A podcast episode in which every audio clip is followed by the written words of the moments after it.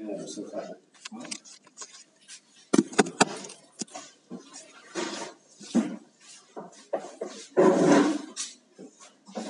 זה התחיל כבר? טוב, בנוגע למעשה שבסיום פרשתנו, בסוף הפרשה מסופר איך ש... והנה איש מבני ישראל בוא ויקרב ולאכוב את המדיון אצלנו משה. הגיע אחד מבני ישראל והוא לקח אישה מדיינית גויה ובא עליה. על זה אמרו חז"ל, שמי זה זמרי בן סלו, שהביא את המדיונית, שהפסוק אומר, זה היה כוסבי בצור. אז אומרים חז"ל שהוא הביא אותה לפני משה רבינו וטען, זו האסורה ומותרת. כן, בני ישראל נכשלו אז בחטא בבנות מואב, אז גם הנשיא שבט שזמרי בן סלו, אז הוא גם לקח מדיינית. והקריב אותה לפני משה רבנו ושאל את משה רבנו האם זו אסורה או מותרת? ואם תאמר אסורה ואם אתה אומר שהיא אסורה אז באתי איתו מי התירה לך? אז איך אתה התחתנת עם הבת של ישראל? כן הבת של ישראל גם לא הייתה מבנות ישראל. אז אמר זמרי אם היא אסורה אז איך מי התיר לך את בת ישראל? נתעלמה ממנה הלכה אז נתעלמה הלכה ממשה רבנו, הוא לא ענה לזמרי על השאלה הזאת, עד שפנחוס ראה מעשה ונזכר הלכה. אחר כך אותו זמרי באמת בא עליה, ופנחוס נזכר בהלכה שהוא למד שמי שבועל ארמית, קנאים, פוגעים בו. מי שבא על גויה, אז אף על פי שאין על זה בבית דין עונש מיתת בית דין, אבל קנאים שרואים את המעשה, אז רק בשעת מעשה, אז יכולים לפגוע בו, הורגים אותו. אז קנאים פוגעים בו, זו הלכה. אז פנחוס ראה מעשה ונזכר את ההלכה, שהבועל כותית קנאים פוגעים בו. אז בהמשך אומרת הגמרא שפנחוס הגיע למשה רבנו, ואומר לו, הרי אתה לימדת אותנו שקנאים פוגעים בו, אמר לו משה רבנו שמי שקורא את האיגרת שיבצע גם את הפקודה. שאם פנחוס הוא זה שזכר, אז באמת לקח פנחוס רומח בידו והרג את קוסבי ואת אה, זמרי בבת אחד ברומח, ואז הרבה ניסים אומרת הגמרא קרה באותו זמן שהוא עשה את זה, ובזה הוא השיב את קינתי, כמו שכתוב בתחילה הפרשה הבאה. השאלה אבל, מה היה הטענה שלו? הטענה שהוא אמר למשה רבינו, שאם זאת היא אסורה, אז באתי יתרו מי התירה לך. ומה בזיזו יותר טוב, למה היא כן מותרת לך? נו, ועל זה לא כתוב שום דבר שמשה רבינו ענה. לא כתוב לא שמשה רבינו ענה, גם לא כתוב שפנחוס ענה. פנחוס רק הלך והרג אותם. אבל מה באמת התשובה? מה באמת התשובה על עצם השאלה של בת יצרי מי התירה לך? או, אז אתה לא אומר פשוט מאוד, זה בכלל לא שאלה, זה הרי לפני מתן תורה. הסיפור כאן זה היה הרבה אחרי מתן תורה כבר. אז בפשטות, מדוע אכן הייתה בת יתרו מותרת למשה רבינו? אומר על זה רש"י, מבאר רש"י, בגמרא שמה, אומר שמה רש"י, משה קדם מתנתרא נעשה. כשניתנה תורה, כולם בני נוח היו, ונכנסו לכלל מצוות, והיא עמנו וכולי. אומר רש"י בגמרא בסנהדרין, ששם כתוב כל הסיפורים, כל הניסים ש... שקרו לפנחוס באותו זמן. אז אומר שם רש"י, שמה באמת התשובה לבת ישראל מי התיר או לא אומר רש"י, הרי זה היה כמו שאתה לא אומר לפני מתן תורה. ולכן מה זה התשובה? מכיוון שזה היה לפני מתן תורה, כתוב שכל בני ישראל לפני מתן תורה, היה להם דין של בני נוח. מתי הם קיבלו דין של בני ישראל? אחרי מתן תורה. במתן תורה כל בני ישראל עברו תהליך של גיור, כמו של גיור. ביציאת מצרים, כמו שאמרנו פעם, שביציאת מצרים כל בני ישראל מעלו את עצמם, ולפני מתן תורה הקריבו קורבן, וגם כן טבלו. אז כשכל בני ישראל טבלו, הם אה, התגיירו לפני מתן תורה, אז גם היא הייתה עמהם, גם אה, בת ישראל. ולכן ציפורה, כל בני ישראל היו בני נח והפכו ליהודים במתן תורה. גם ציפורה גם הייתה אותו דבר. כשהוא התחתן איתה, זה היה לפני מתן תורה, זה בכלל אין שאלה.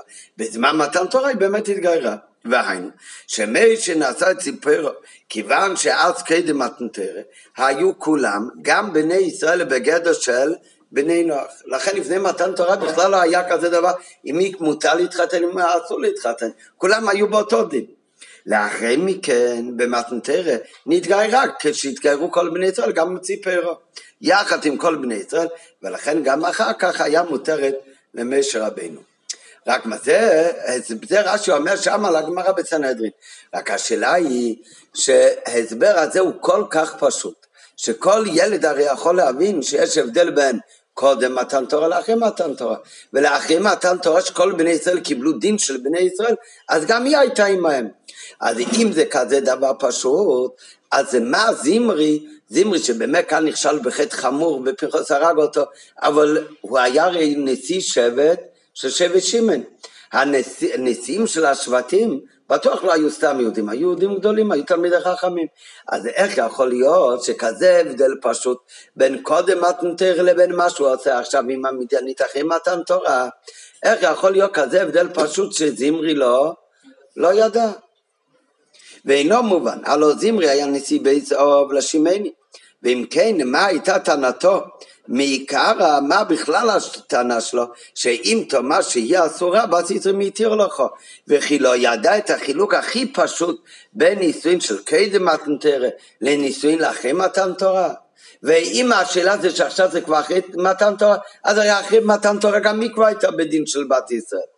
לאידך גיסא, אפילו אם נמצא הסבר כלשהו, לכל הפחות כצל כדאיתך, לכך שהחילוק הנ"ל אין אותה מספיק להתיר את בת ישראל, ואם אנחנו נגיד מצד שני, ואם אנחנו נגיד מצד שני שכן יש איזשהו הווה מן להגיד שבת יתרו היא אסורה למישר, שזה לא כל כך פשוט שיש הבדל בין לפני מתן תורה לאחרי מתן תורה, אם כן יש איזושהי שאלה, אז למה לא רואים בפרשה שלנו שום תשובה על זה? כתוב רק שזמרי שאל את משה רבינו מי התיר הלכה, ואין על זה שום תשובה. התשובה היחידה, מה יש? שפנחס אמר רבי ארמית קנאים פוגעים בו, ואמר לו משה רבינו אז תבצע, והוא הרג אותם. אבל תשובה לשאלה בציצרי מי התירו, לא רואים בכלל. מצד שני, אם נמצא הסבר כלשהו, לכל הפחות כצל כדאי טוב, לכך שהחילוק הנ"ל הוא לא טעם מספיק להתיר את בת ישראל למשה, אז עדיין נשאלת השאלה אם ככה, מדוע לא מצינו בגמרא כל מנה מפי משה או מפי אחר על טענה זו של זמרי כלפי משה רבנו ואף פנחוס גם לא אמר תשובה לשאלה הזאת, אלא הוא רק אמר את ההלכה של בלה הרמיס שנוגד למעשה זמרי, אבל לא מה שנוגע למעשה של משה. יש מפרשים שתשובה זו גופה, החילוק הנ"ל בין קדם מתנתר לאחר מתן תורה, שזה עצמו נתעלם ממשה רבנו. שבפשטות שאנחנו לומדים שניתן מלאכה ממשה, בפשטות מה נתעלם ממשה רבנו? מה לעשות עם פנחוס? סליחה, מה לעשות? עם זמרי. ולכן באמת פנחוס הרי אומר לו, הרי למדת אותנו שהבועל הרמית קנאים פוגעים בו. כן? זה, זה מה שנתעלם. אבל יש אומרים שבאמת מה שנתעלם ממשה רבנו זה התשובה לשאלה שזמרי שאל. שזמרי שאל, אם זאת אסורה אז ישראל מי התירה לך? התשובה לשאלה הזאת זה באמת מה שנתעלם ממשה רבנו. ולכן לא כתוב על זה תשובה. אבל מה? נוסף זה שרש"י כותב במפורש שמה נתעלם ממשה זה לא השאלה של זמרי ישראל מי התירה לך. רש"י אומר במפורש שנתעלמה ממנו הלכה שנאמר לו בסיני שהבועל כותית קנאים פוגעים בו. היינו, שרק הלכה הזו, העונש של זמרי, זה מה שנתעלם ממשה רבנו. אבל לא נתעלם ממנו מה ההבדל בינה לבין הבת של ישראל. ודוח הגדול אומר שנתעלם ממשה חילוק פשוט כל כך, שכל ילד יכול להבין שיש הבדל בין קודם מתן תורה לאחרי מתן תורה, והרי אחרי מתן תורה הרי ציפורה התגיירה עם כל עם ישראל, אז היא בכלל הייתה יהודיה, בתחילה הייתה מותרת במשה רבנו. אז לא מובן, איך בכלל שואל זמרי שאלה כזו? ואם נגיד שזה הרי כזה דבר פשוט שלא אמור להתעלם ממשה רבנו, רק מה אפשר להגיד שהיה נס משמיים שנתעלמה ממשה רבנו הלכה זו. אבל כשזמרי הלך לשאול את משה רבנו, תגיד לי, אם זאתי כוסבי אסורה עליי, אז באתי יתרו מי התיר אותה לך, איך אתה חי עם בת ישראל? הרי זו תשובה כזאת פשוטה, הרי יש, לא יכול להיות שזמרי, מה הוא ידע ברוח הקודש שיתעלם הלכה הזאת ממשה רבנו ולא יהיה לו מה לענות? כן, השאלה הראשונה, בהתחלה הרב אומר, דבר ראשון שלפי רש"י לא על זה נאמר שנתעלמה הלכה ממשה, בפשוט נתעלמה הלכה ממשה רק, מה הדין לזמרי, מה העונש שלו? אפילו אם תמצא לו מה בדוחק, שנתעלמה ממשה רבנו גם מלאכה כמו שאומרים המפרשים, על זה ששאלו אותו, אם זאת uh, מותרת, אין בעיה, ואם זאת אסורה, אז מי יתיר לך להתחתן עם ציפור הבת של ישראל? הרי התשובה על זה זה תשובה פשוטה, שלא, בפשוט היא לא אמורה להתעלם מאף אחד, התשובה היא כמו שאמרנו מקודם, שכשמשה רבנו התחתן איתה זה היה לפני מתן תורה, לפני מתן תורה היו לכולם דין של בני נוח, לא היה איסור חתנות עם מישהו אחר. ואחרי מתן תורה היא הרי התגיירה, כמו שכל בני ישראל באו בברית במתן תורה, והפכו לעם ישראל ליהודים. אז אותו, באותו הזדמנות גם בת ישראל קיבלה דין של בת ישראל. אז זה, זה הרי הבדל כל כך פשוט. אם נגיד שזה בנס שהתעלם מהלכה כזאת ממשה רבנו, הרי זמרי כשהוא הקריב את המדיינית ואמר למשה רבנו והתריץ כלפיו, הוא אומר אם היא אסורה זאת מי התירה לך, הוא הרי לא יכול לעלות בדעתו שמשה רבנו בנס יתעלם ממנו, הלכה והתשובה לשאלה הזאת. נו, אז חוזרת השאלה, דבר ראשון, למה באמת היא הייתה מותרת למשה, שבפשוט זה מובן בפשטות, כי זה היה לפני מתן תורה ואחרי מתן תורה היא כבר הייתה יהודייה. מצד שני קשה, למה באמת לא רואים בפסוק שום תשובה לשאלה שזמרי שאל, למה אף אחד לא ענה לו את זה. גם צריך להבין, דין הוא עוד שאלה, אז לפני שמתחיל התירוץ, בעצם השאלה הזאת זה כבר התחלה של התירוץ.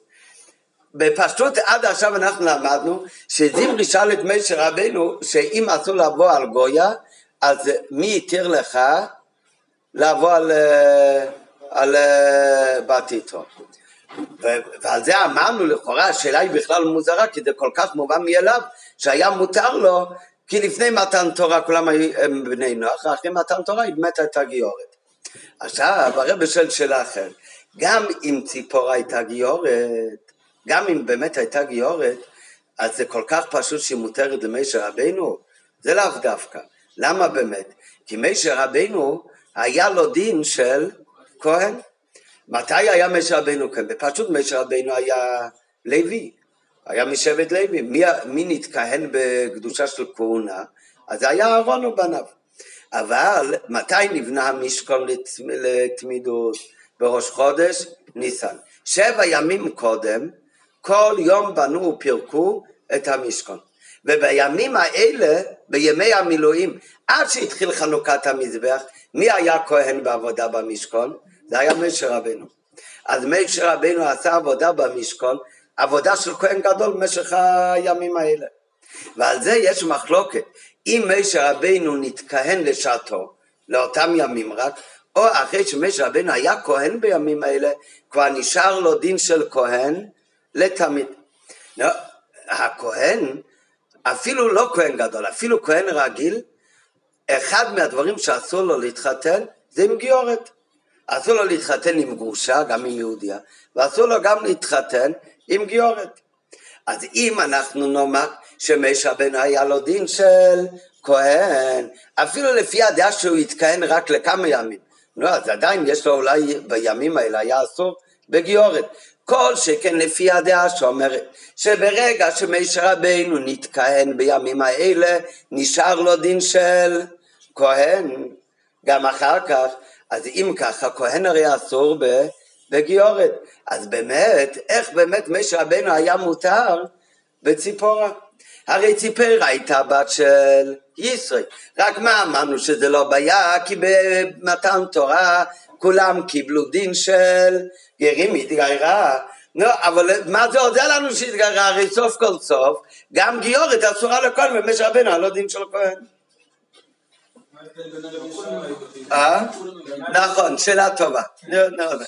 אז בסדר, אז אולי כולם היו אסורים. נראה בהערות, בהמשך. אבל זה בפשוט השאלה. גם צריך להבין.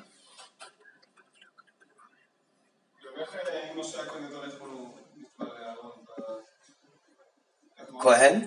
כהן נתמלא לקרובים.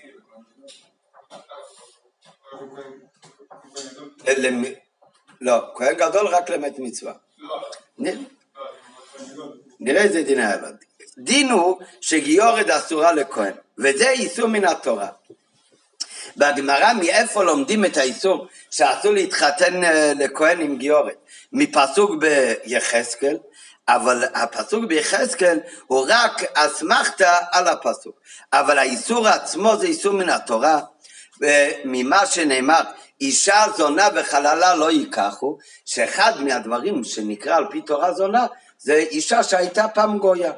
גם אם עכשיו היא גיירה, אז היא נחשבת עדיין איש או זוינו לא ייקחו, ולכן זונה גיורת אסורה לכהן. לפי שבא מן העקום השטופים בזימה. למה היא נקראת זונה? מכיוון שהיא מגיעה מהגויים, שהגויים הם שטופים בזימה, לכן יש עוד דין של זוינו, ולכן מזה לומדים שאסור לגיורת לכהן להתחתן עם אה, גיורת. יכולה להיות צדיקה מותרת לכל ישראל, כן? אבל לכהן היא אסורה. והנה, בגמרא יש מחלוקת, לאחד מאן דאמר משה רבינו היה כהן גדול, מאחר שלא פסקה כהונה אלא מדרו של משה. ולאידך מאן דאמר לא נתכהן משה אלא שבעת ימי המילואים בלבד. דעה אחד אומר שמשה רבינו נשאר דין של כהן גדול ולא פסקה כהונה ממנו אחרי שהוא היה כהן בשבע ימים האלה רק הילדים שלו הם לווים, הוא עצמו כבר נשאר בדין של כהן. לפי דעה שנייה, אז לא נתקן משה אלו לשבעת ימי המילואים בלבד. אבל לשבעת ימי המילואים, אז לכל הדעות היה לו דין של כהן. זאת אומרת, באותו רגע הוא הפך להיות אסור לציפרו לכאורה. אז אם ככה, אז קשה כיצד הייתה בת ישראל הגיורת מותרת לו. שנייה, שנייה, נבוא, נבוא, בינתיים עוד לא ראינו שהוא פרש ממנו.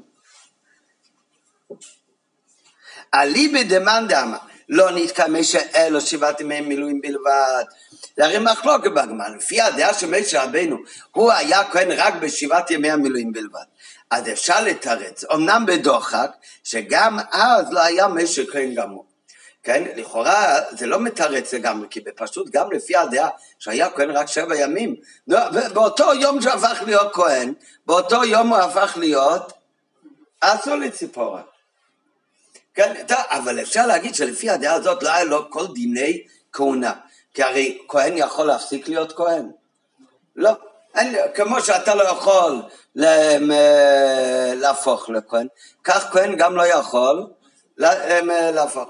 אז יש אומרים, אם הוא היה כהן רק לשבע ימים, לפי הדעה הזאת, אז גם בשבע ימים האלה לא היה לו כל דינים של, של כהן. כי העובדה שכהן שיכול להפסיק להיות כהן, אז גם כשהוא כהן הוא לא היה לגמרי כהן. אז לפי הדעה הזאת אפשר להגיד שגם בזמן שהיה כהן לא היה לו דין של כהן גומו. ומה שהותר לו אז להקריב קורבנות, הרי זה כמו שאומר תוספות לפי שבמשך שבעת ימי המילואים היה למשכון דין של במה ולכן שימש מוישה שבעת ימי המילואים באמת בחלוק לבן ולא בבגדי כהונה, מפני שאין בגדי כהונה בבמה, אומר תוספות. אומר תוספות שהמשכון עוד לא היה לו דין של משכון גמור במשך שבעת ימי המילואים, ולכן גם הכהן שמשמש במזבח שאז היה לו דין של במה, גם לא צריך להיות כהן גמור. ולכן גם בת ישראל שהייתה גיורת, הייתה מותרת, לא הייתה אסורה לו. אז היא נשארת לא מותרת. טוב, אבל שדבון, דבר ראשון בפשטות, גם הדעה שאומרת שהוא לא נשאר קודם מה לשון, לא נתכהן מוישה אלא לשבעת ימי המילואים. זה לא רק שהוא עשה עבודה, נתכהן הכוונה שהוא נהיה כהן. אז זה הרבה יותר משמע שגם אם טויטוס אומר שהמשכון עוד היה לו דין ממש של בית המקדוש, היה לו דין של במה, אבל הכהן כבר היה לו דין של כהן גמור. אבל בנוסף לזה בפשטות, אבל העיקר זה בפרט לפי הדעה שאומרת שמשה רבינו באמת נשאר לו דין כהן לתמיד, אז בטוח שהיה לו דין של כהן ממש. אז אם ככה, אז באמת בת ישראל ציפור מי התיר לך? גם אם יהודי אבל גיורת אסורה לכהן. אבל לבד זאת שמלשון הגמרא לא נתקהן משמע, שבשעת ימי המילואים, באותם ימים על כל פנים הוא היה כהן גמור, ולכן באותו, באותם שבע ימים ביום הראשון כבר ציפור הייתה הפכה להיות אסורה לו. אבל בנוסף לזה, קשה למאן דאמר שמשה רבנו כל ימיו כהן היה. לפי הדעה שאומרת שמשה רבנו כל ימיו נשאר בדין של כהן. אולי לא בדין של כהן גדול, הרי ארן נהיה כהן גדול, אבל כל ימיו נשאר בדין של כהן. לפי הדעה הזאת בטוח קשה, הרי הגיורת אסורה לה, לכהן. והשאלה הזאת, שהרבא שאל עכשיו בעוד ב', זה בעצם יכול להיות תירוץ על השאלה ששאלנו באות א', מהי השאלה? השאלה הייתה שגם אם זמרי היה בעל אברה, אבל טיפש הוא לא היה, הרי היה נשיא שבט שמן. אז מה זה שהוא שואל את משה רבנו בעשיסו מי התיר לך? מה, הוא לא ידע שבמתן תורה כולם התגיירו ויש עכשיו דין של יהודייה? אלא מה, לפי מה ששאלנו בעוד ג', אז בעוד ב', אז זה באמת היה השאלה של, של זמרי. הוא אומר, אם זאת היא אסורה, למה היא אסורה? בגלל שהיא גויה, ו- ו- ולכן היא אסורה. אם ככה, אז לך, ולכן מתאים הלשון, באתי תרומי, התירה לך, לך שאתה הרי יש לך דין של, של כהן. אצל כהן האיסור של גויה אף פעם לא פג. לגבי יהודי רגיל, ברגע שהגויה מתגיירת, היא נהיית מותרת לו. אבל לך שאתה יהודי, אז אם זאת היא אסורה כי גויה, אז לך לכהן, גם בסיסו היא גם כן אסורה. לא, זה מה שהתגיירה. ולכאורה היה אפשר לומר ששתי שאלות הנ"ל, סיפה ובית, מתרצת אחד את חברתה. כוונת זמרי בטענתו בסיסרי מהתיר לכו, הייתה לא לאיסור חיתונים ארמית, אלא לאיסור של גיורת לקיים. והשייכות בין איסור זה לאיסור מדיינית לכאורה, מה הקשר אם ככה? מה זה זה? הוא מתחתן עם גויי הייתה גיורת, מה הקשר? פשוט מאוד, כי אם תאמר זו אסורה, אז בס איסור מתיר לכו, כי מהו הטעם לאיסור גיורת לכהנו? מכיוון שהיא מגיעה מן העכו"ם, כי הייתה גויה, זה הסיבה של האיסור, שהם שופים בזימה. וזה היה תוכן טענה, אם המדיינית הזאת היא באה מן העכו"ם והם שופי זימה ולכן היא אסורה לכולנו, אז אם ככה באסי ישראל, גם אחרי הגיור היא הרי גם כן מגיעה מהגוי ואמרה להיות אסורה לך. אז מדוע באסי ישראל, שגם באה מן העכו"ם הרמית, אז למה היא מותרת למשה רבנו שהוא כהן גם אחרי שהתגייר? טוב, אבל אם זה באמת הייתה השאלה, אם זה באמת הייתה השאלה, אז השאלה לא הייתה איך, הגי... הם, הם, איך גויה מותרת למשה רבנו, אלא השאלה הייתה איך גיורת מותרת למשה רבנו בהיותו כהן. אם זה באמת הייתה טענה של זמרי, זה כבר טענה הרבה יותר טובה, אפשר כבר להבין מה, מה הוא שאל, אבל אם כך מתחזקת השאלה, איפה באמת התירוץ על השאלה הזאת? איפה התירוץ על השאלה הזאת ולמה אף אחד לא ענה לו? אבל לפי זה עדיין קשה לאידור גיסא. מה אכן התירוץ על טענה הזו? איך באמת היא הייתה מותרת למשה רבינו? וב' מדוע לא נאמר התירוץ על זמרי? מה שרק יהיה התירוץ, למה לא ענו את זה לזמרי?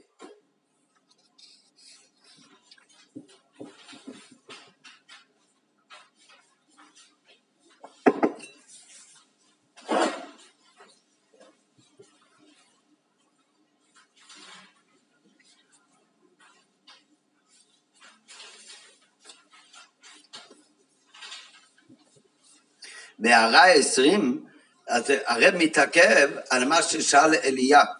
מה, מה אליה שאל? שאם השאלה זה בא תתרום מתירה למשה רבינו, שהשאלה זה מצד היותו כהן, וכהן הרי אסור בגיורת, אז הוא אומר לי, אז אפשר לשאול אותו דבר גם על אהרון, על כולם, מה זאת אומרת? הרי כל בני ישראל עד מתנתרה אליהם דין למדנו של בני נוח. מתי הם קיבלו דין של בני ישראל מתנתרה? ואז כולם קיבלו דין של גט, זה היה כמו גירות מתן תורה. הרי לכן לומדים ממתן תורה שבשלושה דברים נכנסו ישראל לברית במילה, טבילה וקורבן, מזה לומדים על חץ גירות. אז אם ככה, אז כל אישה תהיה אסורה. אז על זה הוא אומר, שאם היא לא הייתה בת ישראל, אלא מהמשפחות של בני יעקב באמת, אז באמת, עד שבמתן תורה נתגיירו כל ישראל, על כוח צריך לומר שגרות זו אינה אסורה לכהן. וארן ולוזו ויסומוב בונוב יכיחו. והטעם מובן, כי בבני אברהם לא שייך הטעם שבא מן העכו"ם השופים בזימה. מה זאת אומרת? כל בני ישראל קיבלו דין של, של, שמתן תורה היה סוג של גרות. אבל זה היה גרות למי? לכולם. זה היה גרות גם לאלה שהיו בני אברום, יצחוק ויעקב, וזה בני ישראל, וזה היה גירוס גם לכל אלה, כמו ציפרו, שאז הצטווה לעם ישראל. רק מה, האיסור של גיורת לכהונה, זה בטוח התחיל רק לאלה, האיסור הזה הוא חל רק על אלה שהם לא היה במקום מהמשפחות של בני אברהם, יצחק ויעקב. כי אם זה היה כולל את כולם, אז ארין ובונוב לא יכולים להיות נשואים עם אף אחד אחרי מתן תורה. אלא מה זה פשיטה, שגרות כזאת שכולם היו חייבים לבוא, זה לא מה שהפך להיות אסור לכהנים. רק בין אלה שהתגיירו במתנתרא, היו גם מאלה שהיו ממשפחות, לא מבני אברהם יצחק ויעקב, ופשוט לא רק ציפור אשת מישה, ופשוט היו הרבה מהם בני ישראל שהתחתנו, הרי מי הם התחתנו? התחתנו גם עם אה, אנשים אחרים. אז על... בתוך בני ישראל שכולם עברו כאילו תהליך של גיור במתנתרא, אותם אלה שהם היו במקום ממשפחה בני ישראל, שגם הם עברו גיור, עליהם בוודאי לא חל האיסור של גיור אצל כהן. לעומת זאת, על אלה שהם באמת היו מבס ישראל וכיוצא בזה, עליהם חל איסור של גיור אצל כהן. טוב, זה, זה בקיצור, זה אחר כך יש עוד יום.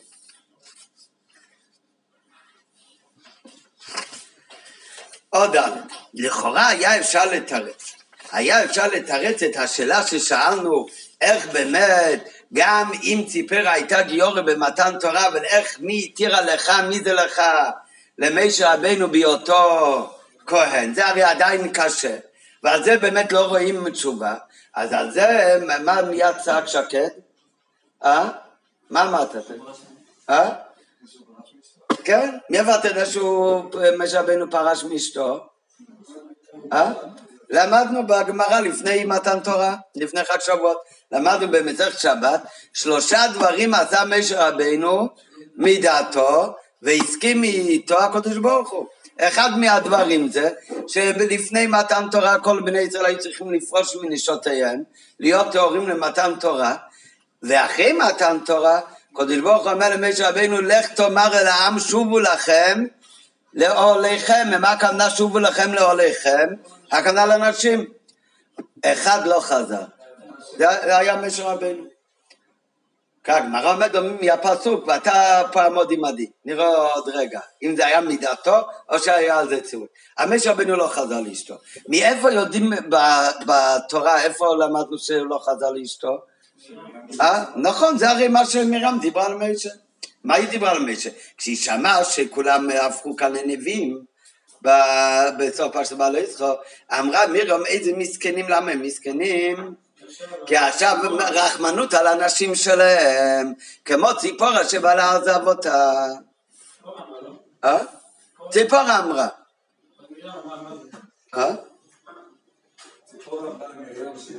כן, כן, כן, כן, איזה רחמנות, ואז מירם אמרה, הרי בכולנו דיבר השם, נכון, נכון.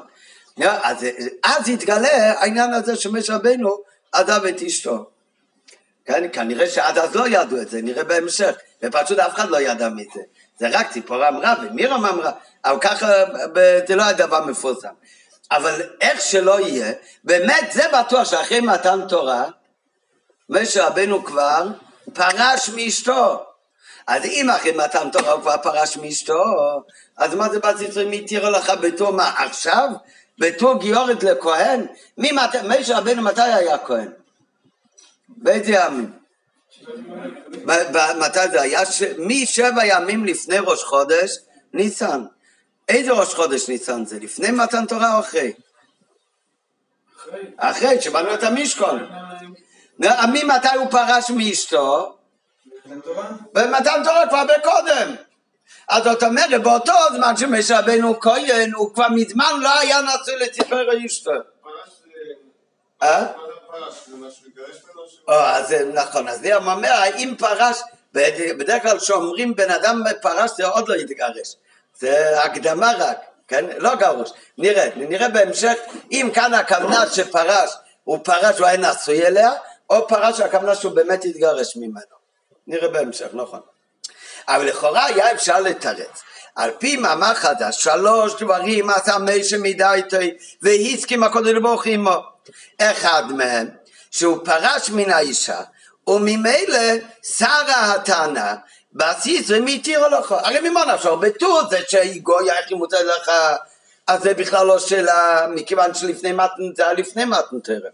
מצד השאלה שזה גיורת לכהן, מה זאת אומרת? ממתי, ממתן תורה היא כבר בכלל לא הייתה, אישו הרי משה רבנו פרש ממנו. ממילא שר התנא בסיס מתיר לך מצד איסור גיורת לכהן. למה? כי משה רבנו אכן פרש ממנו. אלא מה?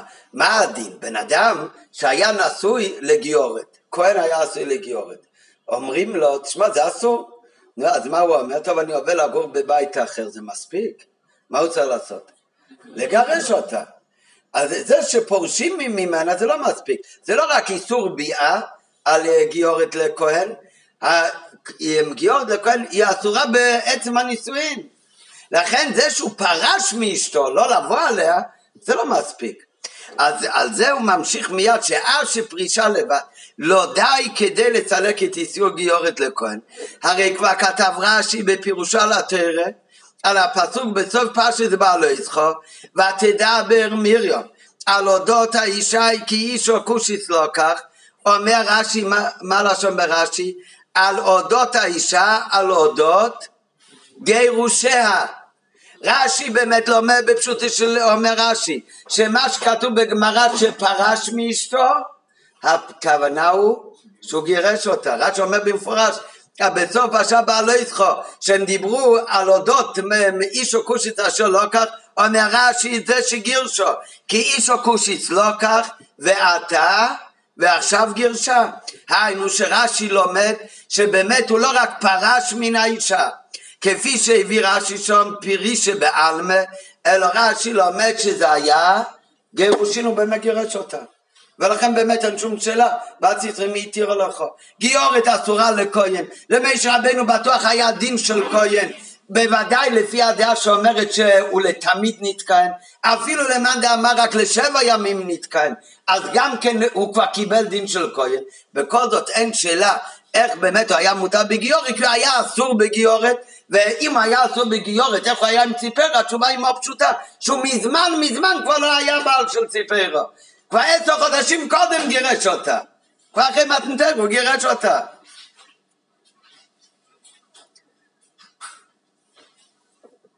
אז למה לא ענו את זה לזמרי? אז זה לא שאלה איך זמרי שאל אותו כזאת שאלה.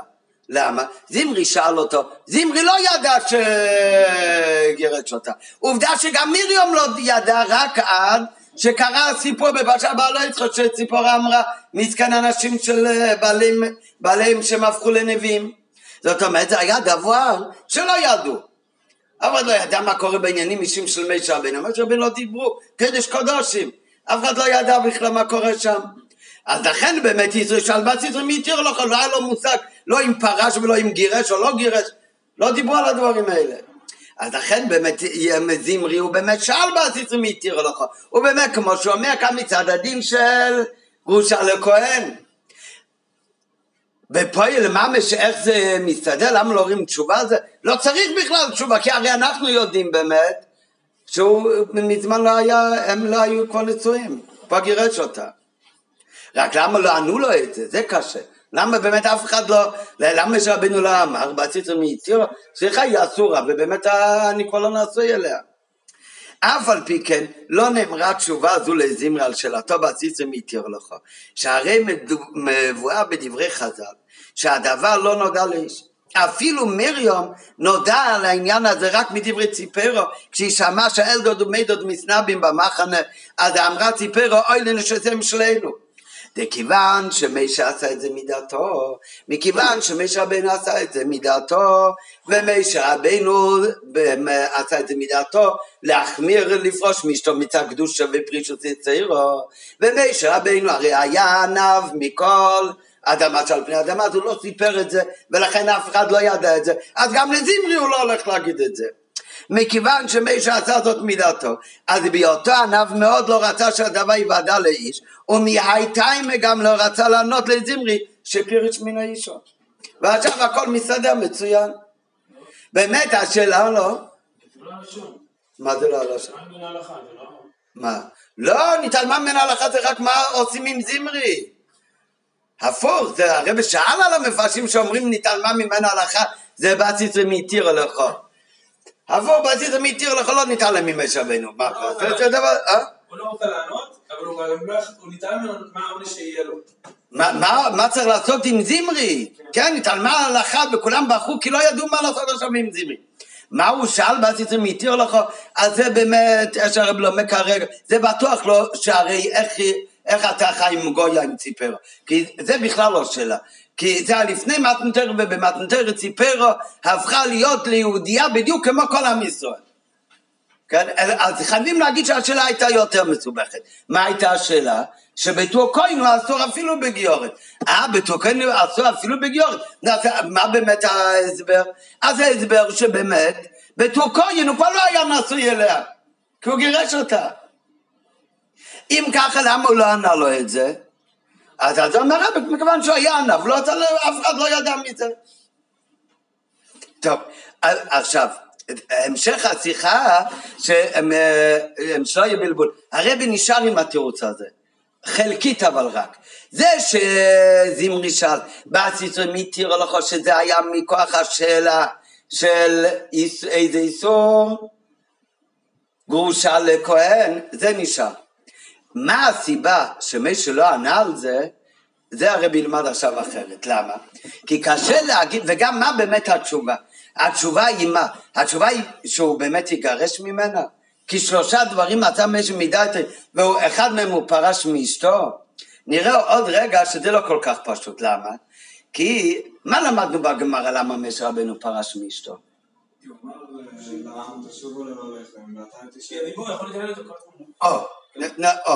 יש כאן, אתם אומרים שני דברים, שני דברים נכונים.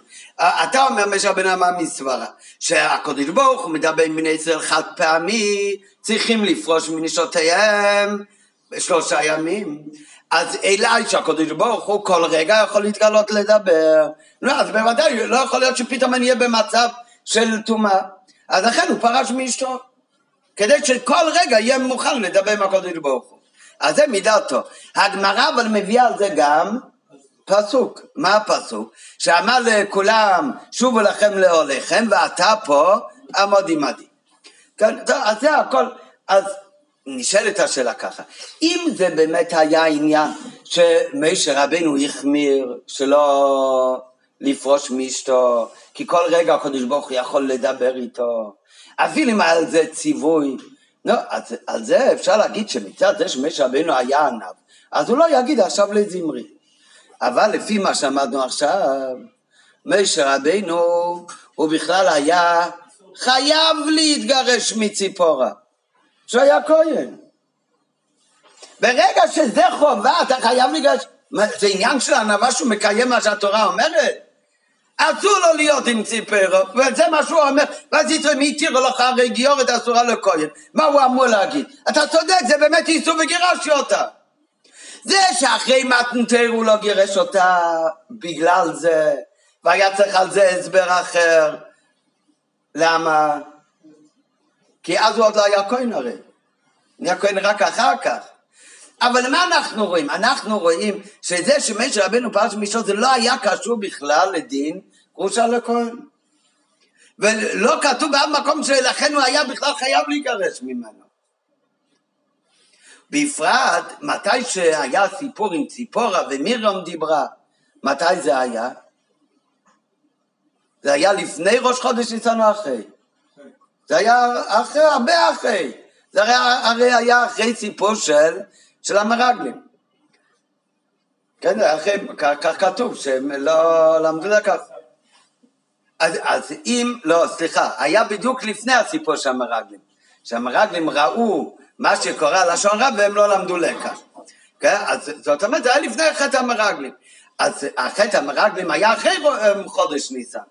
אז אם ככה נשאלת השאלה, כששם היה הסיפור, והם דיברו על משה רבנו, מה אמר הקודש ברוך הוא למיר... כשהוא התגלה משה רבנו לארם ומירה, ומה הוא אמר להם? שמשה רבנו הוא לא כמו כל הנביאים, אלא כל רגע בכל ביתי נאמנו, משה רבנו שונה, ולכן באמת הוא צריך לפרוש מאשתו. אין שם רמז וזכר לזה שהוא צריך בכלל להיות פרוש מאשתו, בגלל שהוא כהן, הרי אז הוא כבר היה כהן. זה כבר היה אחרי ראש חודש ניסן. אז מכל זה משמע שלא זה שהוא כהן, זה לא היה סיבה שהוא התגרש. נכון באמת שהשאלה, זה נשאר בשיחה המסקנה שהטענה של זמרה היה בסיס ומי התירה לך מאיזה שאלה, שהשאלה היא מצד דין של גיורת לכהן. ובפועל ממש השאלה הזאת אין לה בכלל רגליים לשאלה הזאת למה אין לה שום יסוד כי בפועל ממש כבר מאז מתנתרא משה רבנו בכלל לא היה נשאר רק אף אחד לא ידע מזה רק העניין הוא שגם מהגמרא וגם ברש"י ובכל הסיפורים משה רבנו שפרש מציפורה לא משמע שהיה צריך לפרוש בגלל שהיא הייתה גיורת לא משמע ככה הפוך, גם אחרי ראש חודש ניסן, עדיין כתוב מה הסיבה שהוא פרש ממנו, כי כל רגע הקדוש ברוך הוא יכול להתגלות אליו. זאת אומרת, מצד דין של גאות לכהן אין בעיה. למה באמת? אז זה נראה עכשיו בפנים. אבל ביו זה אינו מכוון, כמו שאמרנו, הביו העיקרי כאן, מה הטענה של זה, זה נשאר. רק כל ההסבר למה משה רבנו לא ענה, זה לא מסתדר למה. שהרי נוסף על זה שרש"י נוקט כלשון הספרי, שפיריש אסמי שמן האישה הייתה לא מידתו, לא כמו שהגמרא אומרת שעשה את זה רק מידתו, אלא כמו שהספרי אומר לי שאמרתי לו לפרוש מן האישה, שהיה לו על זה ציווי מפורש מהקודש ברוך הוא. איפה היה על זה ציווי מפורש מהקודש ברוך הוא? כמו ששקד אומר ואתה פה עמודי מדהים. ולכן גם מצד זה בטוח זה לא ההפך הניווט להודיע שהוא קיים את ציווי הקודש ברוך הוא ופרש מאשתו. הרי בטעם פרישת משי מן האישה מבואר מה הסיבה שכתוב בחז"ל פרש מאשתו וגם אחרי ראש חודש ניצן מכיוון שהוא היה נביא כמו שמביא רש"י מספרי שציפר אמרו אוי לנשותיהם של אלה אם הם נזקקים לנבואה שיהיו פורשים ונשותיהם. ופה זה לא היה ככה, כי גם אם הם הופכים להיות נביאים, הם לא הופכים להיות נביאים בדרגה של משה רבנו. אבל, אבל בעת שעל פי הנ"ל, היה בכלל משה רבנו מוכרח לגרש אותה בגלל איסור גיורת לכהן בכלל. ובפרט אם הוא פירש בהערה 44 רק מצד הציווי ואתה פה עמוד עמדי זאת אומרת שלולי ציווי זה לא היה פורש מן האישה אלא הביאו בזה אז על זה מגיע עכשיו הביאו ברבא אומר שבאמת הטענה של זמרי הייתה שאיך משה רבנו בהיותו כהן מותר לגיור בפועל ממש זה לא התחיל השאלה כי הוא, הם כבר היו גרושים, רק הוא לא ידע מזה. אבל לשיטתו שבאמת הם, הם לא התגרשו, אז זה היה הטענה שלו, בסיס ומי התיר לך. האמת הוא, אז זה נלמד עכשיו בשיחה, אומר רבי, האמת הוא על פי הלכה, באמת, היא הייתה מותרת למשה רבנו, גם אחרי שהוא היה כהן. בפן מעט משה רבנו פרש ממנו. למה הוא פרש ממנו? בגלל שהוא נביא, בלי קשר. וזה באמת, ישראל לא ידע. הטענה שלו היה מצד היותו כהן הוא אסור בציפרו. ועל זה הוא לא ענה לו. מה האמת אבל? האמת שבהיותו כהן באמת הוא עדיין מותר לציפר. אפילו שלציפר היה דין של גיורת, וכמו שראינו מקודם בהערה, לציפר היה דין של גיורת כפשוטו יותר מלשאר בני ישראל שהתגיירו במתן תורה. וכל זאת הייתה מותרת לו. למה באמת? אז על זה אין, אין, אין, אין כזה הלכה, אין הלכה, בן אדם שהיה נשוי לגיורת לפני שהוא היה כהן, אחר כך הוא הופך להיות כהן, אם הוא צריך לגרש אותה או לא. למה אין, אין זה לא מופיע בשולחן אור כזה? כי בן אדם לא יכול להיות לא כהן ולהפוך לכהן. זה קרה רק פעם אחת. מיישה ופירות, כן, היום זה אין כזה דבר. אבל בכל זאת יש שאלה דומה. איפה יש שאלה דומה? ישראל לא יכול להפוך לכהן, גם לוי לא יכול להפוך לכהן. אבל כהן יכול להפוך לכהן גדול. אה, כהן לא יכול להפוך לחלל, הוא יכול לחלל את זרעו. כהן נשאר תמיד כהן. הכהן יכול להפוך לכהן גדול. יש אחד, יש אישה אחת שהיא מותרת להתחתן עם כהנים, היא אסורה רק לכהן גדול. מי זה? אלמנה. הגרושה אסור גם לכהן רגיל, גיורד אסור גם לכהן רגיל. אלמנה, אלמנה אסורה רק לכהן גדול. ועל כהן גדול כתוב, והוא אישה בפתוליה ייקח, צריך לקחת אישה פתולה. אלמנה גם אסורה לו. לעומת זאת לכהן אדיוט, אלמנה מותרת, אלמנה מיהודי, כן?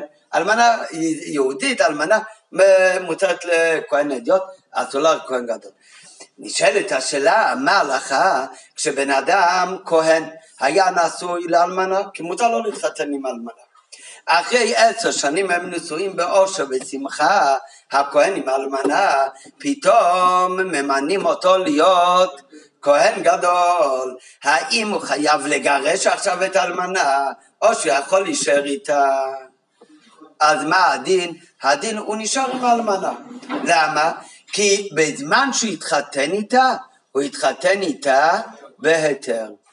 אם הוא התחתן איתה בהיתר, כי הוא היה כהן רגיל כשהוא התחתן עם אלמנה, אז גם כשהוא הופך להיות כהן גדול, הוא לא חייב לגרש אותה. היא נשארת מותרת לו. ואת זה לומדים מהפסוק, והוא אישה בפסוליה ייקח, שכל הדין, שמתי צריך, לה, הדינים, מה מותר לו כאן, אסור לו כאן, זה כי ייקח, מה זה ייקח? הקידושין, זה הולך לפי זמן הקידושין. אז אם בזמן הליכוחין היא מותרת לו, אז היא כבר נשארת מותרת לו לתמיד, גם אם הוא הופך לכהן גובל. אז אומר הרבי, אם ככה, מה יהיה הדין אותו דבר? זה שאלה שלא קיימת, זה קיים רק אצל משה רבנו.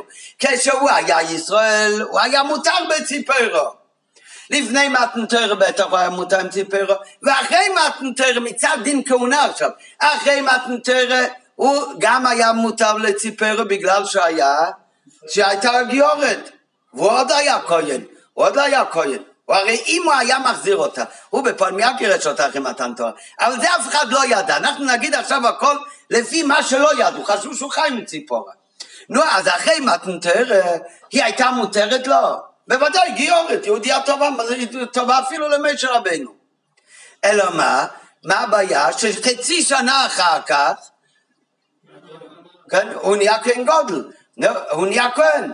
בסדר, אחר כך הוא נהיה כהן, הוא כבר היה נשוי איתה בהיתר. אם היה נשוי איתה בהיתר, היא לא הופכת להיות לו אסורה גם אחרי שהוא מתמנה לכהונה. ולכן באמת אין בזה שום בעיה. אה? לא, אם הוא כבר גירש אותה והוא רוצה להתחתן איתה עוד הפעם, זה כבר אי אפשר. הכהן אסור לו להתחתן עם גיורת. אבל הוא הרי היה נשוי איתה מלכתחילה. מאחרי מתן תורה בפשטות. לפני מתן תורה כל בני ישראל, אם היה, דין, אם היה להם דין של בני נוח, אז אחרי מתן תורה כולם צריכים לעשות מחדש קידושין. כן, אם זוג מתגייר, זוג נשוי, הם שהם מתגיירים עכשיו, אבל זה לא התחתן, הוא מקדש אותה עוד הפעם. כן, נכון, אבל ההלכה בפשטות זה, זה ש... שגיורת לכהן אסורה. חשב שזה אסור. את הלימוד שמכיוון שנלקח בהתר, היא נשארת מותרת לו גם אחרי הכהונו, והשוואה לדין של אלמנה לכהן, תפיל פה על זה, זמרי לא ידע. בסדר, זה כבר לא המרצץ. זה יכול להיות שגם נשיא שבט שמעון לא ידע. אז זהו, שאל את מייצ'ל. נשאלת השאלה למה הוא באמת לא ענה לו את זה. זה פשוט טעות בהלכה, צריך לענות לו. בסדר, נראה. אז זה באמת קשה למולנה, לא? ענה לו, אה? מה, מה? מה אצל הארץ?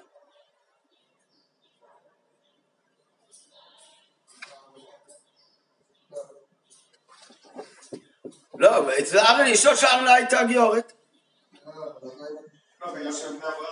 אה? מה?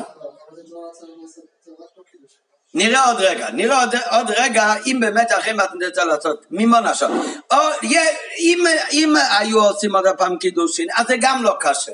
כי הרי מיד אחרי מתן תורה משה רבנו עוד לא היה, עוד לא היה כהן. כן, אז זה גם לא כל כך קשה, אז מותר לו לקדש אותה. בניסים שנהיה כהן היא כבר מותרת לו. אז הוא לקח את הבטר. אבל האמת שזה יותר מזה.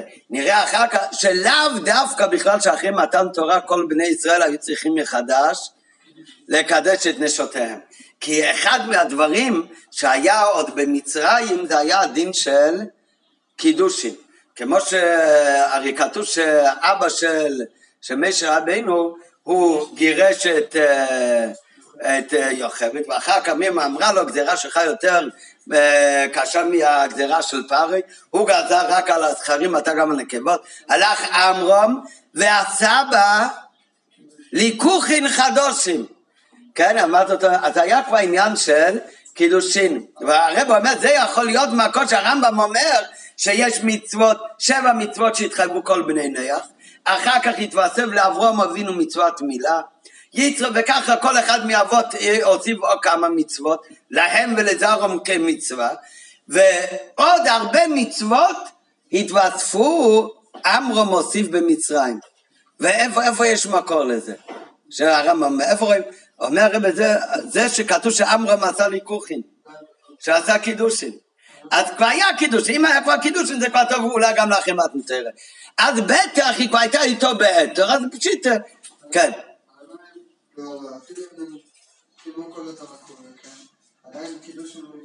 נראה, נראה עוד רגע, עוד רגע נגיע לב, והביאו בזה. עוד הגענו שם, והביאו בזה.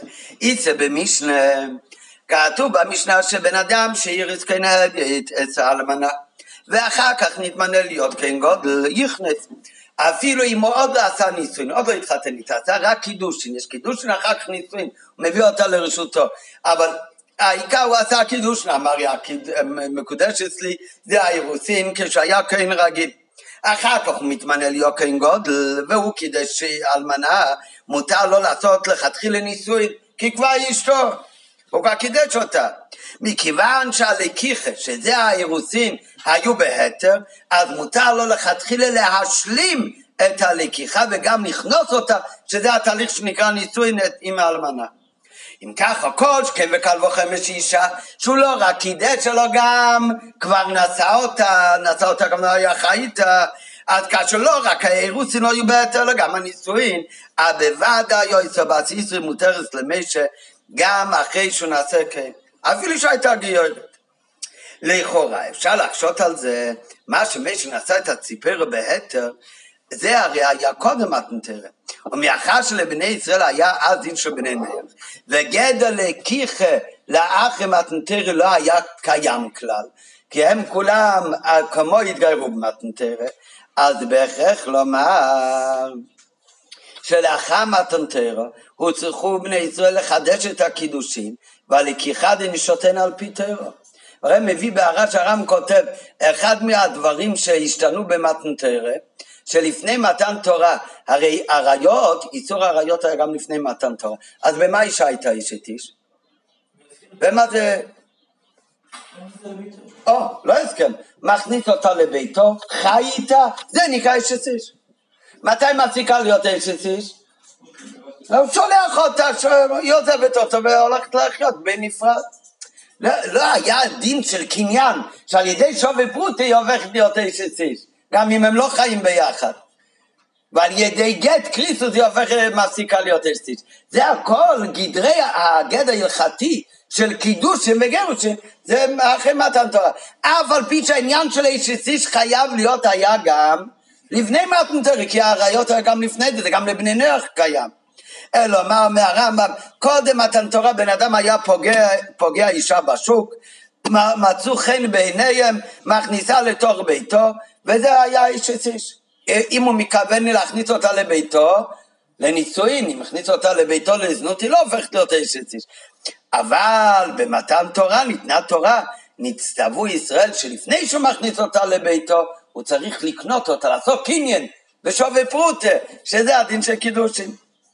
ואם ככה, גם בני ישראל עשו את זה לפני זה, הוא יכול לעשות כל תורה מצוות לפני מתן תורה, וזה היה אינו מצווה ועושה. אז אם עוד היה מצווה, אז בטבעת הזאת לא היה לכאורה גדר של, של קידושים בכלל, זה כמו מתנה. גם אלה מבני ישראל שקיימו כל התורה גם לפני מתן תרא, אז, והם גם קידשו את נשותיהם. מכל מקום, מכיוון אז עוד לא היה ציווי על זה, הטבעת הזה, הלכתית הוא היה מתנה, זה לא היה נחשב לקידושין בכלל. אין להם תקף מתן תרא. ולכן חוזרת השאלה, כיצד הותר למישה לקדש מחדש את ציפורה אחרי מתנתרא כשכולם קידשו את נשותיהם? אבל באמת זה לא קשה. למה? דבר ראשון, למה זה לא קשה? בעיקר הרב רוצה להסביר למה הלכתית זה לא קשה. אבל קודם הרב אומר גם טכנית זה לא קשה. כי אם כל בני ישראל עשו באמת קידוש אחרי מתנתרא, מתי זה היה? יום אחרי מתן תורה, יומיים אחרי מתן תורה. נגיד שמשה רבנו היה עסוק על ארבעים אה, אה, יום להר שלוש פעמים, אז אחרי שהוא ירד אחרי יום כיפור היה לו זמן לקדש אותה מחדש. כן, בפועל הוא לא קידש אותה כי הוא פרש מאשתו, הכל לולי זאת.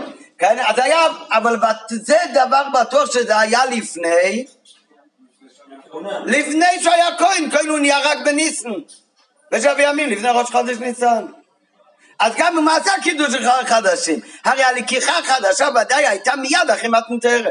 ממילא קודם שנית כהן מוישה, בפן ממש לא היה שום קידוש חדשים, הפוך, משה רבנו הרי פרש מאשתו. הכוונה הכל לפי העניין הזה הוא סודי, אותה הרי אנחנו לא יודעים, אמרנו מקודם. אבל משה רבנו, אבל כולם, מתי הם קידשו? בוודאי מיד אחרי מתנתר, שזה לפני שנתקן משה. משה רבנו נהיה כהן רק בשבעת ימי המילואים, אחרי הקומת המשכון.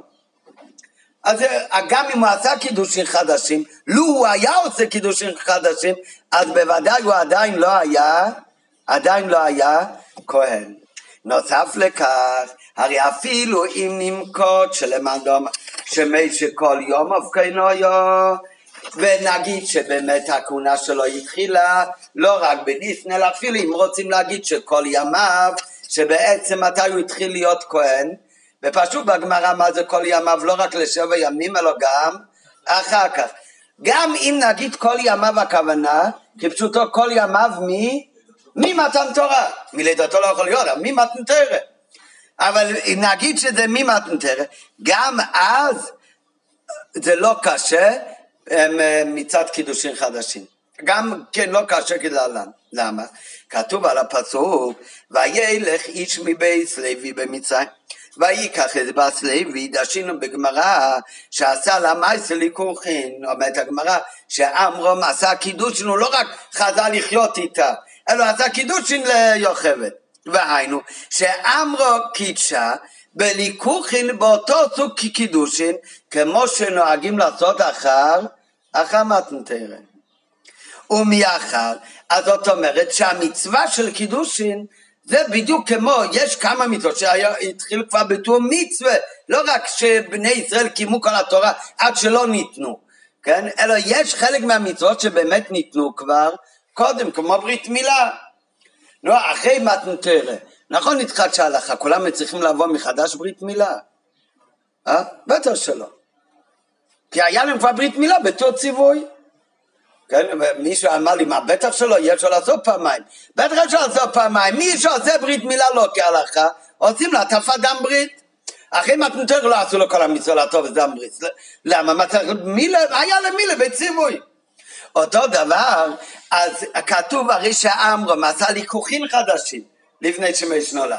זאת, מה זה ליכוחין? לא רק שוכח, זאת אומרת שגם קדם מתנתרא היו אצל בני ישראל כבר קידושי אישה באותו אופן של היכוכין של אחרי מתנתרא וקידושין אלו נשארו בתוקף גם לאחרי מתנתרא ולכן לא הצריכו באמת קידושין חדשים ולכן לא כתוב בשום מקום שיום אחרי מתנתרא כל בני ישראל העמידו חופות ועשו קידושין כי באמת לא היה צריך.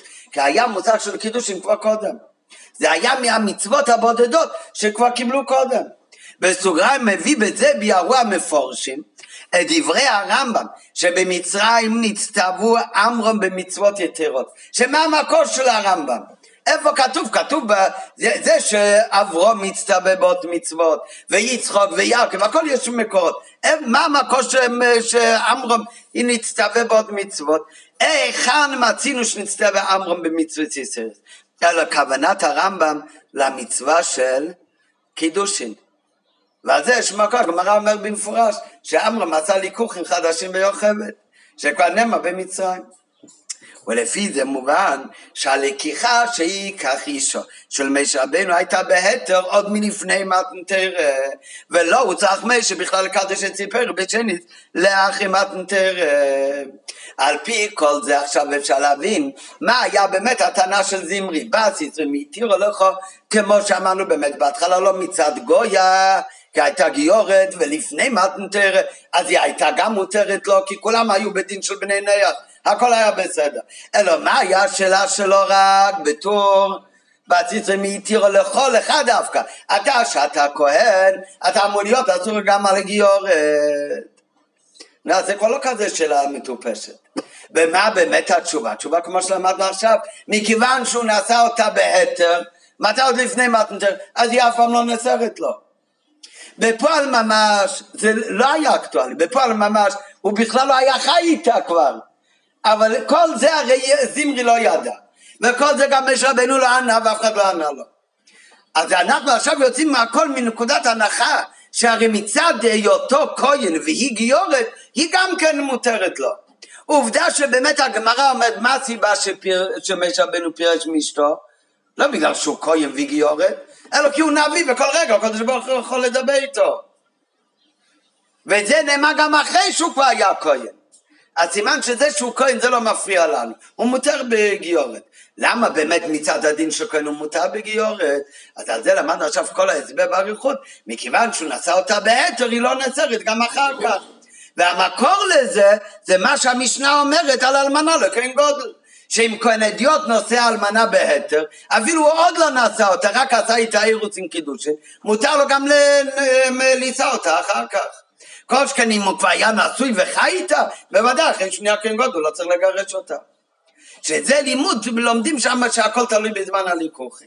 אז את הלימוד הזה זימרי אולי לא ידע, ולכן הוא שאל בסיסרי מי התיר לך? מה הייתה הטענה של זימרי בסיסרי מי התיר לך? וכן אפשר גם להבין למה משה רבנו לא ענה לו על הטענה הזאת.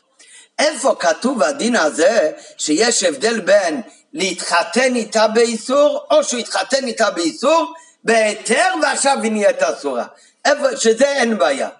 כן? איפה כתוב ההבדל הזה? זה מפורש בתורה שבכתב? זה לא... זה לימוד. זה, זה לימוד, זה לימוד שמה, מה, לכל הדעות. אבל מה, זה לא מפורש בתורה. מכיוון שזה דבר שלא מפורש בתורה, את מי זמרי שואל כאן? את משה רבנו. להלכה שנוגע למשה רבנו, עצמו. אז הוא יגיד לו עכשיו לימוד של תרא שבעל פה? מה שמפורש, בטח הוא יכול לענות לו. אבל מה הוא יענה לו עכשיו? עם לימוד שלא נעלם ממשה רבנו, משה רבנו ידע. משה רבנו גם היה יכול לענות לו שהוא בכלל כבר לא חי עם אשתו, אבל זה הוא לא רצה לענות לו. כי הוא היה... יותר מזה, הוא לא רצה לענות לו את זה, כי, מש... כי באמת לא, זה הסיבה שהוא פרש מאשתו. הוא לא פרש בגלל שהוא כהן. הוא, כי בהיותו כהן הוא, הוא מותר עדיין עם ציפר. למה הוא לא ענה לו? מכיוון שהוא לא יכול לדרוש לו לימוד הפסוקים שהוא עצמו נוגע בדבר, ולכן הוא לא ענה לזמרי. מדוע משה לא השיב על טענתו? לזמרי, כשהוא שאל את השאלה הזאת, הוא לא קיבל את האלפותא שלומדים בתרש שבעל פה, שהמילה ייקח אישו לומדים מזה שהכל ההיתר תלוי בזמן הליכוחים. ולשיטתו באמת זמרי צבר שכמו לשיטת זמרי כהן שנעשה אלמנה נהיה כהן גודל מה הוא אמור לעשות עם אשתו? לגרש אותה ולשיטתו באמת, כהן רגיל, שלפני שהיה כהן, שזה לא קיים, אבל זה היה בזמן משה רבנו, לפני שהיה כהן היה נשוי לגיורת, אחר כך הוא נהיה כהן, לשיטתו אמור לגרש אותה. הוא לא למד את הלימוד שכתוב בתשע בעל פה, שהכל הולך כי ייקח אישו. ומשה לא יכול לענות לו בלימוד מן הפסוק ייקח אישו שזה המקור שכל הדין של פסולי לכהונה זה תלוי בזמן הקידושין שהרי יש הלכה תלמיד חכם שמורה הלכה והוא נוגע בדבר אינו נאמן בשעת מעשה לומר כך קיבלתי אם זה דבר מפורש אז זה דבר מפורש בטח הוא יכול להגיד אבל להגיד כך קיבלתי מרבי זה הלוך למישהו כן, מה זה כך קיבלת? אתה נוגע בדבר. אומר שהרי היה נוגע בדבר בבאס ישרי מתירו לחוק, ולכן משה לא ענה לו. על דרך שמצינו גם במחלקת קרח, שביחד עם מחלקת על כונס ארן, הוא גם בא בטענות של שקר ובטענות על מזוזה הבית שהוא מלא ספרים, מהו שחי במזוזה. בנוגע לתחילת קולות תחילת, מהו שתחייב את ביציס. לא מצינו שמשה רבנו ענה על כל השאלות האלו. בלימודים מן התרא שבעל פה. הוא רק אמר להם אם בריאו יברו יהיה כאן בור ואתם כולם תיבלו בו כאן. אבל מה עם השאלה שהם שאלו? וההסבר לכך הוא כנ"ל. גם שמה, במחלוקת ההוא גם משה רבנו היה נוגע בדבר.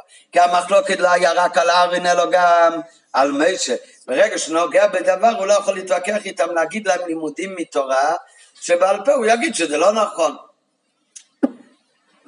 טוב, אז זה בפשטות, כן? אז זה, זה בפשטות עכשיו מובן ממש יפה מה היה הטענה של זמרי וגם למה, לא רק משה בן לענה, הוא גם לא יכל לענות לו כי זה לא יעזור מכיוון שזה לימוד של תרא שבעל פה, אז זה לא יתקבל אצלו הוא לא יהיה נאמן בזה. לכן, אבל הוא צדק, ולכן הוא לא ענה. הוא צדק פעמיים. הוא צדק בעצם, כי הוא בכלל כבר לא היה נשוי לציפר, אבל אפילו לשיטו זה שהוא חשב שהוא עדיין אה, נשוי לציפור, אז גם כן מותר לו באמת, מצד הדין של כהונה.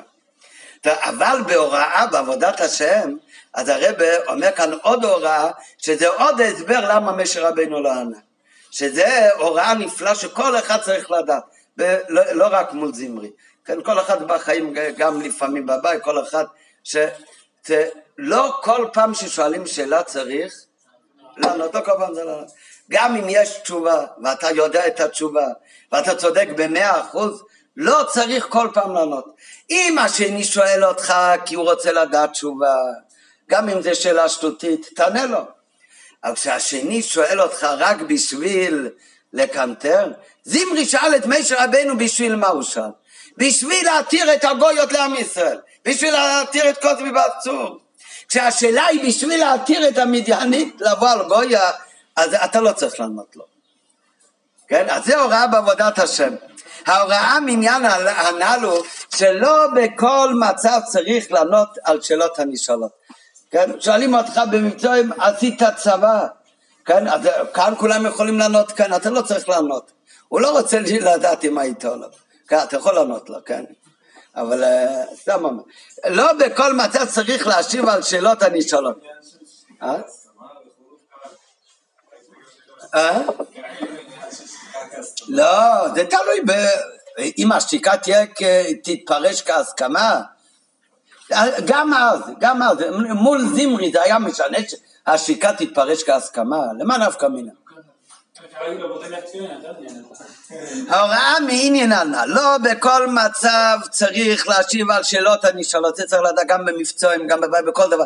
היום כל אחד בטוח שעל כל דבר הוא צריך לדעת ולענות משהו. בן אדם שואל אותך, אני לא יודע, מה זה משנה, מה? לא צריך לענות, לא, לא על הכל צריך, אנחנו גם לא אמורים לדעת על הכל אה, לענות. אבל כאן הוא מדבר, אפילו אם יש לך תשובה טובה, גם לאו דווקא שצריך תמיד לענות. אה? מה?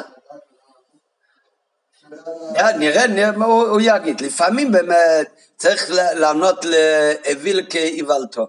לפעמים צריך לענות לטיפש על הטיפשות שלו. אבל אה, זה בדיוק השאלה, לא בכל מצב צריך לענות לשאלות. לפעמים המטרה של השואל זה רק להתיר מדיינית. כאשר כוונתו היא לשם שמיים, אז אפילו, עני אפילו לקציל קיבלתו. אבל אם הוא שואל בדברי תרא, לא לשם שמיים, אלא מתוך כוונה להתיר מה שהתורה אוסרת, אז ההנהגה צריך להיות אל תן כסיל קיבלתו, לא צריך לענות. הדרך לנצח מנגד כזה לתרא, זה לא על ידי שקלה וטריה, אלא מתוך תקף שלמעלה מטעם ודת. שואל אותך שאלות, תמשיך לחייך לו ותגיד לו עוד הפעם אולי בכל זאת תניח תפילין. זה הדרך היחידה שאולי תנצח את ההתנגדות שלו. עם תשובה אתה לא תנצח אותו. אלא דווקא אם ללכת בתוקף למעלה מטעם ודת, בלי להיכנס איתו למשא ומתן, כך תנצח אותו. ככה זה לא רק לעומת בן אדם אחר, כך זה גם בעבודה בין כל אה, אחד עם המנגד שלו. מי זה המנגד שלו? היצור, הנפש הבאמית. שיהודי צריך לדעת, הנפש הבאמית הוא רוצה ככה והוא אומר לך ככה. לפעמים אתה לא צריך להיכנס איתו למשא ומתן. זה יותר טוב, זה יותר טוב, אתה לא תנצח אותו. כן? לא תמיד, אלא מהו העצה? לפעמים הטענות והמנות של הנפש הבאמית הם באים אך ורק כדי להתיר מה שאתה בעצמך יודע שזה לא טוב. אתה יודע לבד שזה, שזה לא הכוונה, אתה יודע לבד שזה לא. ובכל זאת הנפש הבאמית הוא רק, אז מה אתה תחפש עכשיו הסברים להיכנס איתו למשא ומתן? זה לא יעבוד. אלא מה צריך לעשות? לעמוד חזק למעלה מטעם ודעת, להתבטל, עושים אך ורק מהו רצון העליון וכך מנצחים אותו. כן הוא גם בכל אדם בינו לבין עצמו, כאשר המלך זקן וכסיל, שזה היצור, בא לבלבל אותו, צריך להימנע מלהיכנס איתו בשקלה וטריה. אלא תקף לעשות מעשה, מתוך תקף לבטל אותו. מהו המעשה שהגמרא אומרת? מגיע היצור, מושכהו, לבית המדרש, תפתח ספר, תתחיל ללמוד, תוספות, הוא יתבטל, הוא יתנמס. וכך גם הייתה הנהגה של פנחוס, כשעמד זמרי והתחיל לשאול שאלות כדי להתיר את האסור מן התורה, אז פנחוס, משה רבינו לא ענה, זה הרי נוגע אליו. פנחוס אולי לא היה נוגע אליו, גם לא ענה לו על השאלה. למה פנחוס לא היה ענה על השאלה? אה? פנחוס לא היה נשוי לבת ישראל. אולי כן, אבל בפשטות, כן, אבל ישראל, למה, למה ישראל לא ענה? ישראל ראה שהשאלה הזאת מגיעה לא בשביל תשובה, זה שאלה בשביל להתיר את האסור. אז פנחוס מה הוא עשה? בקרניס קינוסי למעלה מטעם ודעת, מסר נפשו והרג אותם. כן, למה זה מסר את נפשו? כתוב תמיד, זה לא, החוכמה זה לא ללכת להרוג מישהו. הוא הוא סיכן את עצמו. על פי ההלכה, הגמרא אומרת שאם ברגע שזמרי היה מגיש, שפירחוס מגיע להרוג אותו, זמרי היה תמיד חכם, אם באותו רגע זמרי היה מוציא את הסכין ומקדים והורג את פנחוס, אז זמרי היה נהרג, הוא היה חייב מיסר, הוא היה פטור. למה? כי לפנחוס העדים של רוידף, כי לזמרי בכלל לא היה חייב מיסר, יש בזה שאלה. אם הוא היה חייב מיסר רק לא בבית או בכלל לא חייב מיסר. נכון, אבל בפשוט הלכה זה בטוח, שאם זמרי היה מתהפך והורג אותו, אז לא היו עושים לו כלום. זאת, ו, אז זאת אומרת שפנחוס הוא יודע שהוא מסכן את עצמו, שבאותו רגע שהוא יבוא, יהיה אפשר להרוג אותו. ולכן, אז זה היה באמת בקרנס קינוסי, הוא מסר את נפשו בשביל הקודש ברוך הוא, בשביל קנאת השם. הוא לא נכנס לשקלה ביתריה, והוא לא התחיל להסביר לזמרי למה באמת יש הבדל בין משה רבינו ציפר מותרת לו, הוא לא נכנס לשום שקלה ביתריה, אלא אדרבה, גם בעניין הזה שהוא עשה. להרוג את זמרי, גם בזה הוא לא נכנס לשקלה ביתריה, כי ההלכה הוא שמי שבא להימלך בביצים, אם היה מגיע בביצים שואל, רבותיי, יש כאן מישהו שבא על, על ארמית, מותר להרוג אותו או לא? לא היו אומרים לו לא, אבל לא היו אומרים לו כן, לא מורים לו כן. נכון, אז מה, אז זה מראה שזה לא עניין שעל פי טעם ודעת, זה צריך לבוא מתוך התוקף של למעלה מטעם ודעת. הרי אם היה מגיע להימלך בבית דין, הרי הדין הוא שהבא להימלך אין מרין לי. אלו קינה את קינת השם קינתי של הקודש ברוך הוא, כמו שאמרנו מסר את נפשו במסירת נפש, להרגע זמרי ובזה הוא אה, עשה נחת רוח למעלה. זה העניין, ההנהגה הזאת גם קשורה לשבוע, פרשת בולו קוראים תמיד בימ, בימים שסמוכים לחג הגאולה של הרבע הקודם, י"ב י"ג תמוז, שגם ההנהגה של הרבע הקודם במאסר ולפני המאסר ושל י' בי"ג תמוז, זה לא היה שנכנס למשא ומתן מה מותר, מה אסור, אולי בוא נעשה איזשהו משא ומתן מול הממשלה, אלא כל מה שנוגע לתר ומצווה עמד בתוקף. וככה גם כתוב בתוך שהוא היה במאסר, הוא עמד בכל דבר בתוקף ולא התחשב איתם כלל, וזה פעל שבסוף הם התבטלו ונעשה הגאולה. הנהגתו של כבדוש דמי וחומי האדמו בעל הגולה והצמחה הייתה באופן של קינו את קינתי, מבלי לאבד על טענותיהם של אנשים מסוימים, שאין חיוב למצוא נפשו על כל צעד ושעל. כן, מילא יש דברים אולי שצריך מציאות נפש, יש דברים שאפשר גם, לאו דווקא שצריך מציאות נפש. נתקיים אצל בעל הגאולה והשמחה בקנו את קינתי. מאחר שהבצת התורה והיהדות, אצל הרב הקודם, זה היה עניין של הקודש ברוך הוא קינתי, אז הוא מסר את נפשו עליה בפעיל ובתמידות. מציאות נפש זו יכולה להיות בכמה אופנים. באופן אחד, כמו שכתוב בפרשתנו, שלא על ידי נשיא הדור, בפרשה שלנו, על ידי מי היה כאן קינתי? על ידי פירוס ידי משה רבנו. שהרי נשיא הדור היה משה. ועל ידי מי זה נעשה? לא על ידי הנשיא אלא על ידי פנחוס. ובאיזה אופן נעשה ההנהגה שלו במסירות נפש? גם בין בני ישראל, בעניין של דין, בגבורה. כן, הוא הרג את זמרי. זה היה, זה היה מרוצה וחביא, ככה צריך להיות.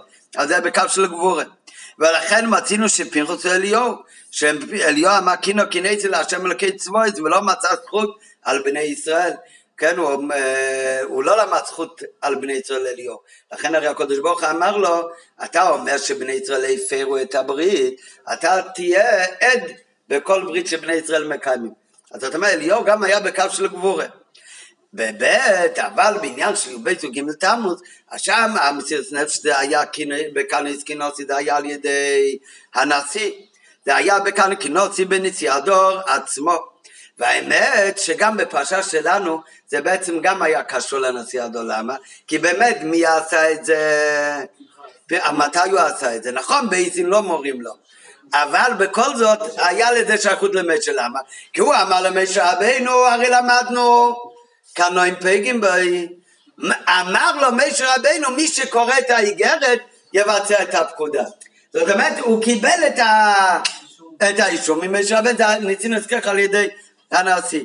באמת אפשר לומר שגם אצל פרחוס הניסים נזכרך היה כינס כינוסי נשיא הדור, על ידי שהוא אמר, קריינה איגרת, מי שקורא את האיגרת, אי הוא להווה פרבן, כי הוא יהיה המבצע. הוא נתן בזה לפרחוס את? אה? זה משל, בן אדם מגיע פקודה שמל וקורא אותה, אז אומרים לו, קראת אז אתה תבצע. אמר לפרחוס, פרחוס אומר, למדנו קנועים פייגים בוי, אז מי קורא עכשיו את היגד, מי קורא עכשיו את ההלכה? פרחוס אומר למשה מי שקורא שיבצע. אז זאת אומרת, גם פרחוס קיבל נתינת כוח על ידי משה רבנו, זה נתן לו את הכוח לכאן לכנס השם. אבל לצערי הקודם רואים שכל העניין שעמד במציאות נפש, בעניינים של תר ומצווה, והלך למעלה מטעם הדת, זה התבטא אבל בין בני ישראל לא באופן של גבורה, אלא בעניין של, בקו של חסד, באופן של חסדים, כפי שמסופר כבר כמה פעמים, שבעל הגאולה והשמחה ביקש מאביו, מהרב רש"ב נשמות עדן, שהנציאות שלו תהיה בחסד וברחמים. והחידוש שבזה שגם עניין של קינוי קינתי נפעל באופן של טוב עין ויבורך בחסד וברחמים.